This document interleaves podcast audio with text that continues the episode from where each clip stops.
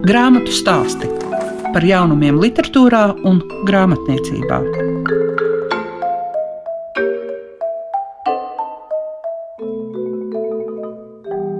Sveiciens ikvienam grāmatu stāstu klausītājam, un šodien es, Liega Piešiņa, pievērsīšos grāmatai. Tā ir Virģīnijas un Jāņa Lēņa veikums Straupes pilskungi. Bet arī dzirdēsiet uzaicinājumu uz rakstniecības un mūzikas muzeja izstādi, kurai ir dots nosaukums Es rakstām mašīnu.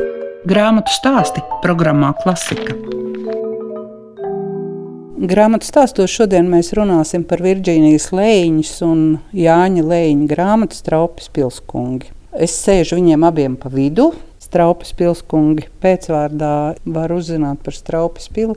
Tur neatrodas cilvēki, kuriem ir kādas atkarības, bet par dzīves atkarībām, par to, kā faktiski ikvienu situāciju var pārvērst arī par detektīvu stāstu. Tikai, ja to gribas, jums abiem ir jāatklāj. Virģīnija, kā tas sākās? Te ir stāsts kopš 2007. gada, tad, kad bija iecerēta filma. Jā, tajā brīdī mēs braucām garām filmēt likteņa līdumniekus uz sedu, un es skatījos garām braucot uz to straupu pili, un man kaut kā likās tik fantasmagoriski. Un tā tā ideja tur radās. Un tad es iesaistīju Jāni, aizrāvu viņu ar to, un tad mēs veselu vasaru taisījām kopā scenāriju. Nu, tad nekas neizdevās, nolikām nost, bet tomēr viņš nelaida vaļā. Kaut kas iekšā visu laiku kurējās. Nu, tad mēs tagad, pirms diviem gadiem, pateicoties Jānim, jo man jau likās, ka vairs nav ko. Bet, Jānis, kā tas ir, kad no scenārija ir jāpārtop romānam? Tas ir sarežģīti. Grūtāk nekā romānu pārtaisīt par scenāriju. Jo patiesībā ir tā, no nu, scenārijas ir skelets. Visu miesu būvē režisors un aktieri, un viss tas ir, kas sapaugrīķi. Tad mums nācās pie tā esošā skeleta būvēt eh, it kā filmu tikai ar vārdiem.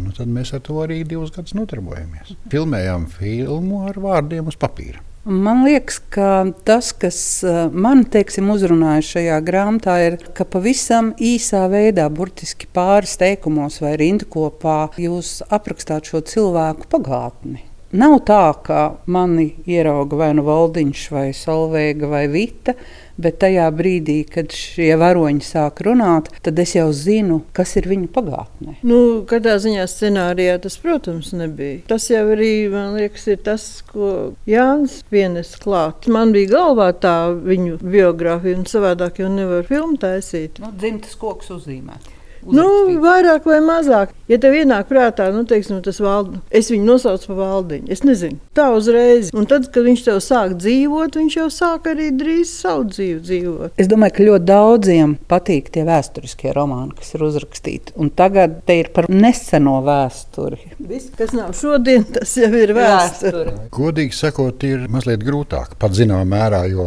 tas, kā saka rakstnieka rūdījums vai pieredums, visu pārbaudīt, visu salikt faktu fakts vietā, viss vai kā. Nu, šī nesenā vēsture patiesībā nav neko aprakstīt. Tā ir vairāk vai mazāk mūsu atmiņās, un tā iztēle ir jāpaplašina. Es, tāpat jau mēs lasījām cauri, bet savi izšķirstījām visus un, un skatījāmies. Un pats interesantākais ir tas, nu, var jau zinām mērā atklāt pirms kāda gada vai pusotras, tā, mēs jau, jau zinām mērā bijām iegājuši tajā rakstīšanā iekšā. Es pēkšņi dzirdu par radio ziņu, ka nesen kaut kur atklāti kaut kādā laukumā 28 konteineru ķīmiskām vielām.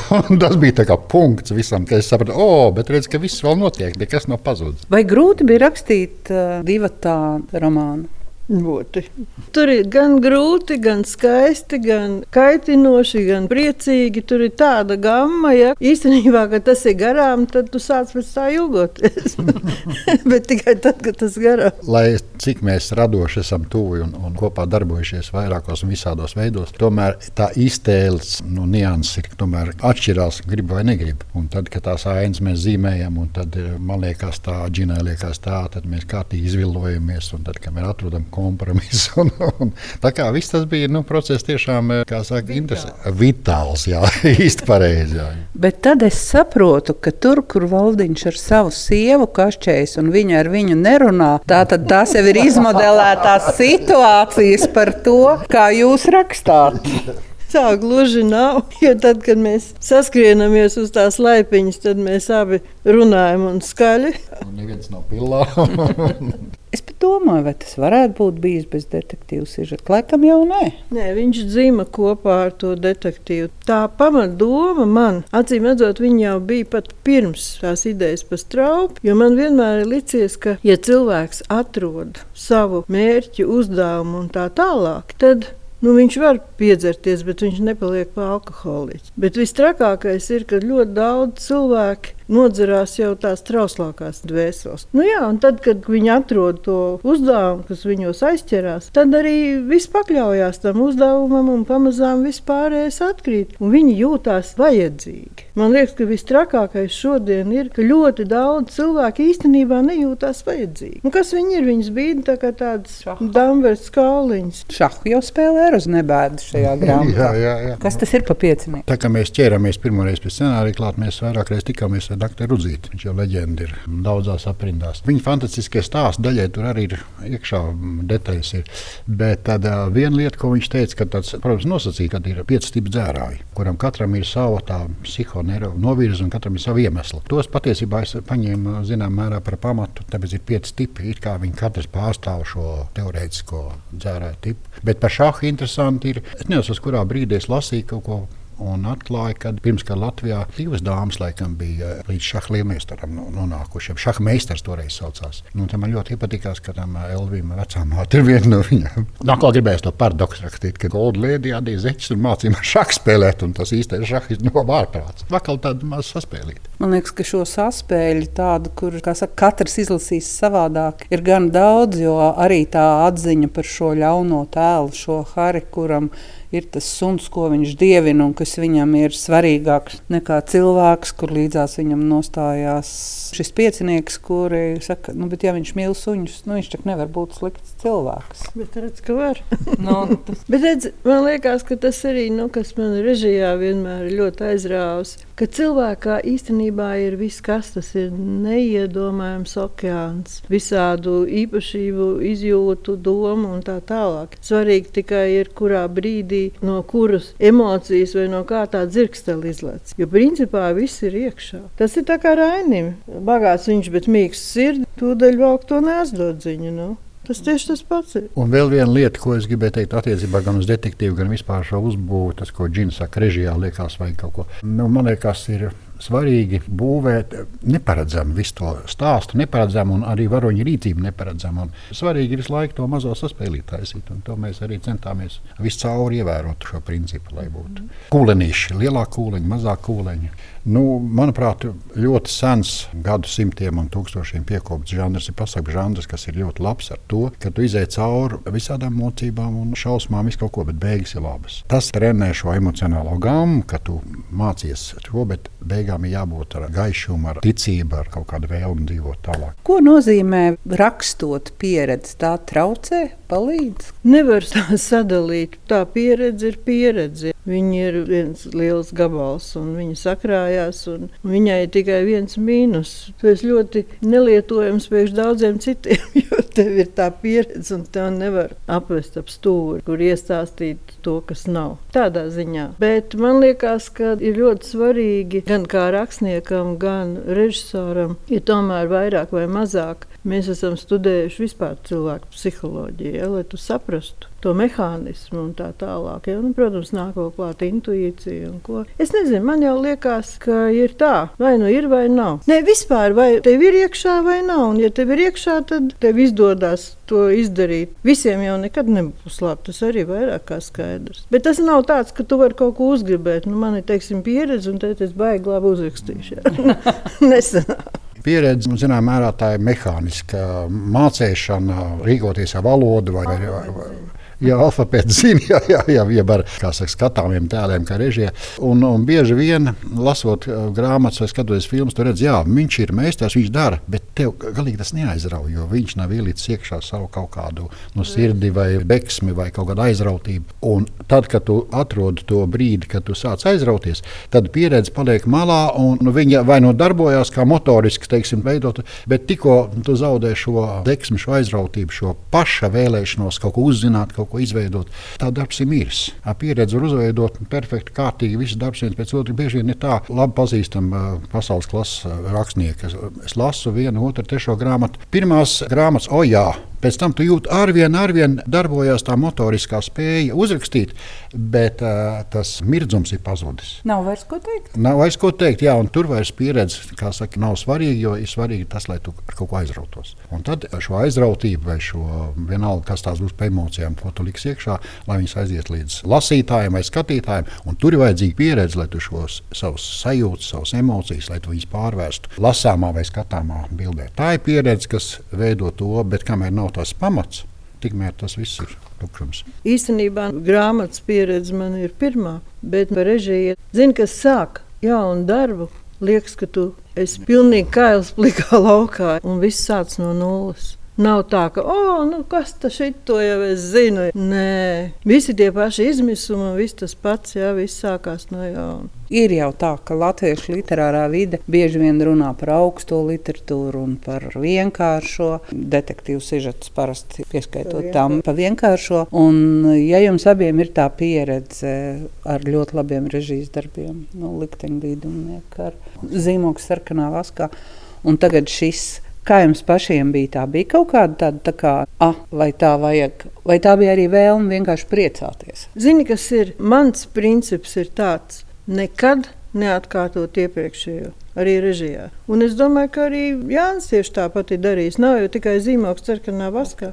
Viņam ir ģeniāla kamera apskūra un ģeniāla vīriešu sirds. Vienkārši mēs katru reizi meklējam kaut kādu jaunu izpausmes veidu, jaunu vielu jauna pasaule. Bet arī bez tā rotaļāšanās prieka, ka tu veido to, bez tā jau nevar iztikt. Ir brīži, kad jāsako uz zobu, jo tad, kad tev ir kaut kas jāno, šī situācija ir jānobeidz vai jāizveido, bet tas rotaļāšanās prieks, ka tu veido kaut ko, ai, ai, ai, vai, vai forši būs. Tas jau vislabākais visā šajā pasākumā ir. Man ir ļoti žēl, ka kamera obskura palika nepamanīta. Man, nu, man liekas, ka tur bija neveiksmīga izdevniecība. Tajā brīdī tas bija karoks, tā kā veids pastāvēt. Kāda reklāma? Jā, nebija nekāda reklāma. Un vai nav tā, ka būtībā tas pats trakākais ir ir nevis to, ka pārāk daudz izsakās par grāmatu un dažādi, bet ka vienkārši vispār to nepiemina.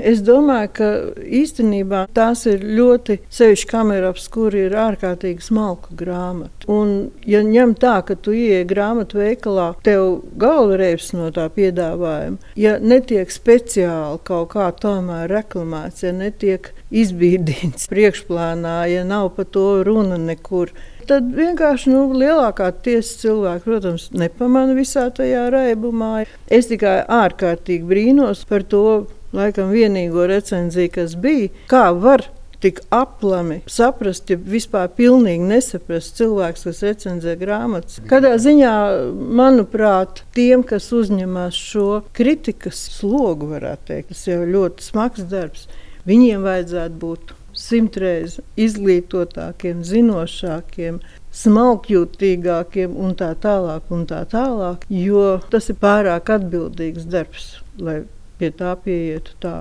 vienkāršot. Par vīriešu sirdi bija tas absurds, cik es pats saprotu, filozofijas doktora vai, vai kā tam līdzīgi. Visu šo romānu bija uztvērusi kā saržu, saržētu tēlu. es domāju, nu, vidusskolā laikam gudrāk būtu uzrakstījuši. Nu, smieklīgi, nu, ko lai tur dara, neko nevar darīt. Patiesībā jau kritika Latvijā vienmēr ir bijis diezgan dīvaina. Vienīgais, kur es redzu, kad ir dzinieki paši savā starpā, piemēram, Gunārs Godiņš raksta par Igaunijas literatūru, nu, tas ir brīnišķīgi. Ir kaut kāda viena tāda vēlme, ko es domāju, vajadzētu sen jau saprast, ka literatūra nav dzīves atspoguļojums, kā mums padomju laikā bāzes galvā. Literatūra ir sava pasaule. Un ja visu laiku mēģina literatūru salīdzināt ar kaut kādām dzīves reālijām, kas katram ir jebkurā gadījumā dzīves skats uz sevi, tad tas pilnīgi noved pilnīgi absurdā. Un tad, vai dzīvē tā varēja būt? Nu, dzīvē tā nevarēja būt. Nu, lasītājs to nesapratīs. Nu, kur vēl absurdāk var kaut ko tādu ik pa brīdim uzspēlēt? Nu, vajadzētu vienreiz saprast, ka literatūra ir pasaule, kurā ir savas likumības, kā saka, sakarības, viss. Ja vispār kas ir dzīves atspoguļojums, no nu, absurds vispār piegājiens. Nu kā Jānis Udrabiņam ir dzīves rakstītie stāsti, Un tu saproti, ka, ja tev to izstāsta, tev liekas, nu, nekad tas nevarētu. Nu, tā nevar būt. Jā, tāds ir. Viens skaists teikums, es atceros, tas Satorija laikam bija par vīriešu sirdi rakstīja. Nu, izstāsta tā, ka literatūrā tas nekad nevarētu notikt, bet dzīvē gan.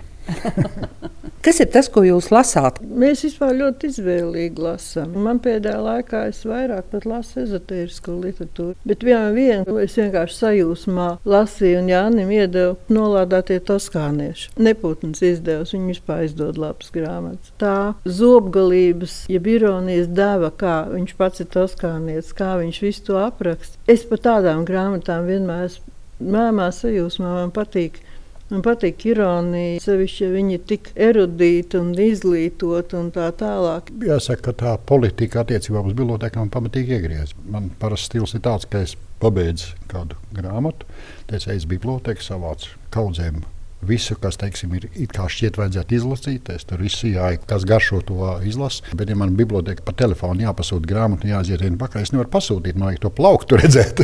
es gribu izvēlēties, ko es tagad šobrīd lasīšu. Pārlasīju Japāņu samurājus. Diezgan pasen iznākusi grāmata, nu pat pārlasīju ar lielu baudu. Tāda pavisam cita pasaule. Man ir ideja, ko es nesājos ļoti ilgi, radīt filmu par Aspāziju. Un tad jāsaka, tā nerunāt par to, ka es izlasīju visu Aspāziju, bet arī apkārt viss, kas tajā laikā tie cilvēki bija. Tik ļoti daudziem ir memoāri, stāsti, kur arī daudz ko var izvilkt. Un, un, un man ārkārtīgi patīk, ja aizķirās aiz viena, apaudzēt apkārt, kā savā laikā man bija kaut kādi 12 gadi, kad es izlasīju dzīves alkas par Van Gogu. Man tik šausmīgi tā grāmata aizrāva un, un ieinteresēja. Un tad es Izlasīju visus, visus impresionistus, visus zināju no galvas, Parīzes ieliņas, Monmartru un viss. Man patīk ļoti, ka no visiem viedokļiem, no daudz cilvēku aspektiem un tā tālāk. Grāmatu stāsti tiem, kam grāmatu lasīšana ir vērtība. Tikko dzirdējāt Virģīniju un Jāni Leņu. Viņi stāstīja par savu grāmatu Straupes pilskungi un arī vēstīja par izlasītajām grāmatām, kas viņus gan uzrunājuši. Gribu piebilst, ka pie Kurcio Malapārtes nolādētie toskānieši Virģīnija noteikti vēlējās pieminēt arī Andas Līces vēl viena diena. Tā ir autore, kura Virģīnijai tuva un labprāt Andas Lītas rakstīto viņa lasa. Bet eh, raidījuma izskaņā dzirdēsiet Jāni Siliņu. Viņš pirms kāda laika sprīža vēstīja par Lilijas dzenes izmeklētiem rakstiem, kas iznākuši apgādā Mansards, bet šī gadījumā viņš stāstīs par savām attiecībām ar rakstām mašīnu. Un gribu teikt, ka Rakstniecības un mūzikas muzejā Šobrīd ir vērojama izstāde Es rakstām mašīna un Pulka ielas astoņi muzeja zālē ir daudz dažādu rakstām mašīnu. Klausīsimies Jāņa Siliņa stāstīto. Jā, es esmu rakstījis. Es iemācījos rakstīt ar rakstāmašīnu vidusskolas laikā. Nu, Faktiski mazliet mācīju, jo manā māte ir kolekcijā strādāja. Un, kad es kādreiz gāju viņai līdzi, Tad vai nu es tās rēķināmās mašīnas, viņa bija grāmatvedībā, ja? vai arī uz rakstāmašīnas mācījos un kaut ko bija iemācījies. Un tad uh, man vajadzēja, es kā Rīgā dzīvoju, man vajadzēja kaut kā naudu piepelnīt. Un es uh, sāku jau desmitā klasē strādāt dēls teātrī par skatuves strādnieku. Bet uh, Hermans Paukšs, ko es iepazinu, rakstīja lūgus daudz. Un viņš maksāja vai, vai 15 vai 20 kopēkus, ko iesniedz konkursos. Ja? Ar manis rakstīja daudz, un es sāku pa naktīm pārrakstīt un iemācījos rakstīt ar rakstāmašīnu. Pēc tam rakstīju vienmēr, un tad, kad es biju padomju armijā, Azerbaidžānā, tad man aizsūtīja uz um, daļu uz priekšniecību. Tā kā es tā skaitījos vācietis, tāds inteliģentais, ja tur visā tajā barā, tad es tur pārrakstīju pat uz krievu rakstāmašīnas. Es nebiju tāds kā man kaimiņiene dzīve, kas bija mašīna rakstītāja, kas zaklo mācīja rakstīt tā. Es nemācīju, bet to es mācīju. Un viss jau man bija, es arī vienu aizņemtu rakstāmašīnu, otru aizņemtu, un tāda, tā kā es, jā, jā, man ļoti patika. Visām lentēm un viss, jo uz kompjūtera, ka raksta, nevar domāt. Uz rakstāmašīnu var domāt. Un es, piemēram, tagad arī kurus manuskriptus rakstu, es rakstu ar roku un pēc tam pārakstu. Rausmīgi ķēpa, jo man domāšanas process ir ar rokrakstu. Ar rakstāmašīnā ir kaut kā viņš nu, tāds ir. Tajā laikā vispār nedrīkstēja daudz kļūdīties. Kopapīrs gāja, un, un lentes beidzās. Un viss, tur, jā, ārprāts, pareizi. Un tu esi pārrakstījis, un atkal kļūda. Nu, taču ir žausmas, ka uzsit. Nē, nē, man tas patika. Jā, jā, es iemācījos. Es iemācījos reizē, man liekas, kad ne, es agrāk iemācījos dārzā strādāt, raktu stādīt, rozmu un uz rakstāmašīnu. Tas tā kā divām veidiem. Jā. Izskan grāmatu stāsti. Šīs dienas raidījumā par Virģīnijas un Jāņa Lēņa grāmatu Straupes pilskungi, kā arī par izstādi Es rakstāmašīna.